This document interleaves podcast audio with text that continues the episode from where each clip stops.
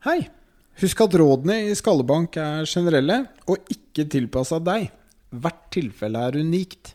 Derfor anbefaler vi at alle med hjernerystelse eller mistanke om det oppsøker kompetent helsepersonell for en individuell vurdering. Her kommer episoden.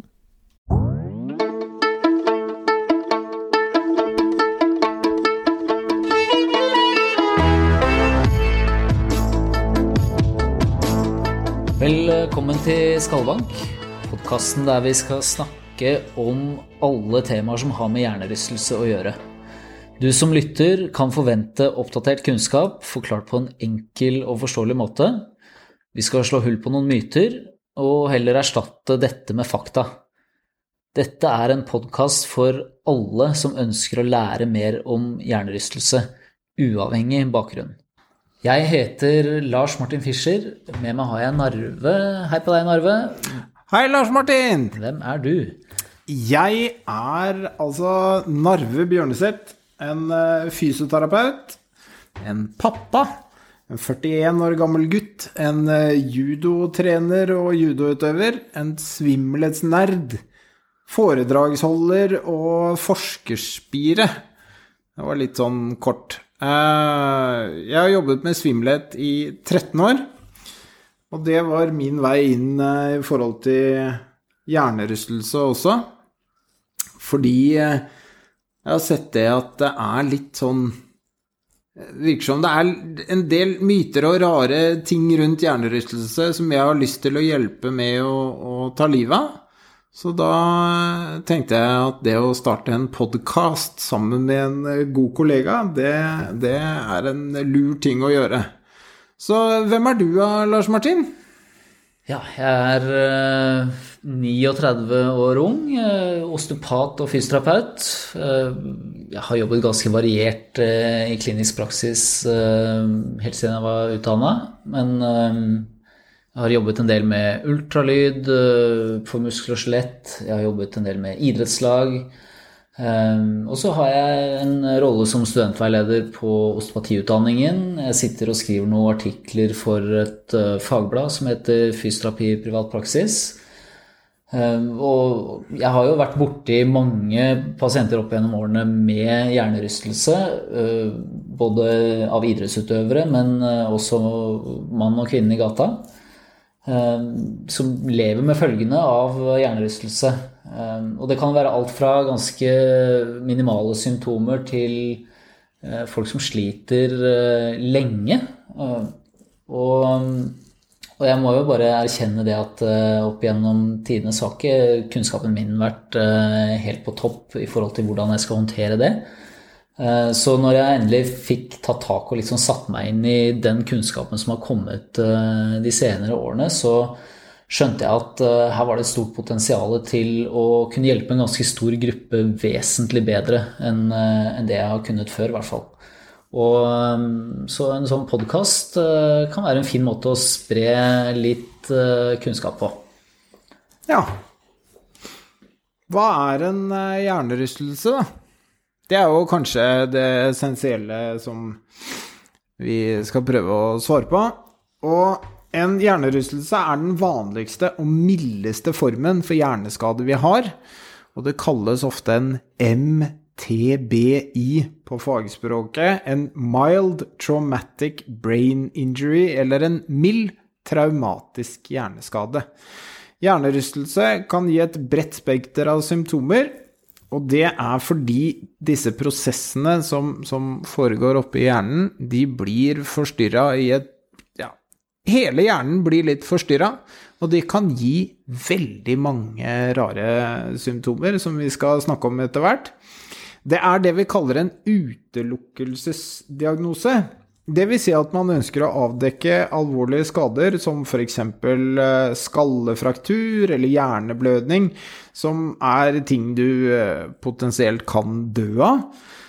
Og hvis de har blitt utelukket, så er det ingen enkeltstående tester vi kan ta seinere som kan påvise selve hjernerystelsen. Det er ikke noen bilder vi kan ta, det er ikke noen blodprøver vi kan ta, men hvis du har et kjent traume, som det heter, altså at man veit hva som har skjedd med deg, at du har slått hodet eller falt hardt eller noe som ligner, og du har symptomer, og at vi har utelukka det vi snakket om i sted, så har du mest sannsynlig en hjernerystelse. Og det er viktig å understreke der at du trenger ikke ha et direkte slag mot hodet, eller et såkalt traume, som vi kaller det, men det er noe vi skal komme tilbake til i neste episode. Jeg foreslår Narve, at vi bare prøver å ta livet av én myte med en gang. Hva syns du om det? Ja, det spørs på mytene. Nå er jeg spent. Altså, jeg vil si det at hjernerystelse, det er ikke en indre kollisjon av hjernen mot innsiden av skallen. Ehm, og det er ikke en eh, tilstand som man skal gå og vente på at alt skal bli bra før man kan gjøre noe med det. Man skal sette i gang så fort det lar seg gjøre eh, for å bli bedre. Ja, så bare for å understreke det Lars Martin sier der. Det er ikke noe blåmerke foran og bak på hjernen. Det er ikke noe, det er ikke noe Du rister huet ditt, og det vi vet funker aller, aller, aller, aller best, er det man kaller gradert opptrening. Altså, vi må få i gang kroppen på en styrt måte. Da blir vi fortest mulig friske. Det er som resten av kroppen, altså? Ja. Som et ankelovertråkk, eller som en eh, hamstringskade, eller som en eh, Ja, som hvilken som helst annen skade. Vi kan jo komme med litt andre nyttige fakta også, og det er jo de vanligste symptomene uh, ved hjernerystelse er hodepine, det er svimmelhet, det er konsentrasjonsvansker, humørsvingninger er det mange som får få, det kan være endret energinivå, eller det vi kaller fatigue. Og så ikke minst er det viktig å huske på at det går utover psyken. Ja. Du blir litt deppa av å gå med Eller bli litt deppa er jo feil å si, men du kan bli litt deppa, eller du kan bli litt sur, eller du kan bli veldig mye annerledes enn en det man egentlig er vant til, og den måten man er vant til å fungere på. Du kan bli mer emosjonell, i hvert fall. Ja. ja, mer emosjonell.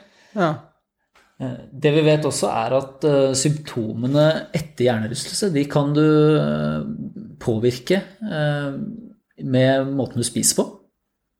Ja. Så noe mat er bra, og ja. noe mat er kanskje ikke så bra. Kanskje. Og noe kosttilskudd kan kanskje være bra. Ja. ja. Og så har vi dette med medisiner, da. Er det noe som hjelper på hjernerystelse? Nei, det kan hjelpe litt på symptomer, men det er ikke det du blir frisk av. Det du blir frisk av, er å få i gang kroppen igjen. Og det er jo mange som tror at hjernerystelse er et veldig sånn idrettsfenomen, men nei, det er det ikke. Det er like mange utenfor idretten som får hjernerystelse, som innenfor. Ja. Barn bruker litt lengre tid enn voksne på å komme seg. Jenter har hjernerystelse, i hvert fall i idretten, litt oftere enn gutter som holder på med det samme. Dobbelt så mye, faktisk. Ja. De er mer utsatt. Ja. Og det vi også vet, er at de kreftene som skal til for å gi deg en hjernerystelse, og det er ikke rent lite, det skal faktisk ganske mye til, det, de er såpass kraftige at de er mange ganger større enn hva som potensielt kan gi deg en nakkeskade. Så det vil si at hvis du først har en hjernerystelse, så er det stor sjanse for at du sliter med nakken også. Ja. Så hvis jeg slår, slår hodet, så slår jeg nakken, på en måte. Men slår jeg nakken, så trenger jeg ikke slå hodet. Det kan du godt si. Så dette og mange andre ting skal vi snakke om i episodene som kommer. Har du noe du ønsker å vite mer om, så send oss gjerne en mail på skallebankpod at gmail.com. Kom med det du lurer på, og vi skal gjennom mange forskjellige temaer, så vi tar gjerne innspill på hva du der ute lurer på. Så neste gang så skal vi snakke om hva som faktisk skjer i hjernen ved en hjernerystelse. Så da håper vi at du hører på oss igjen. Vi høres!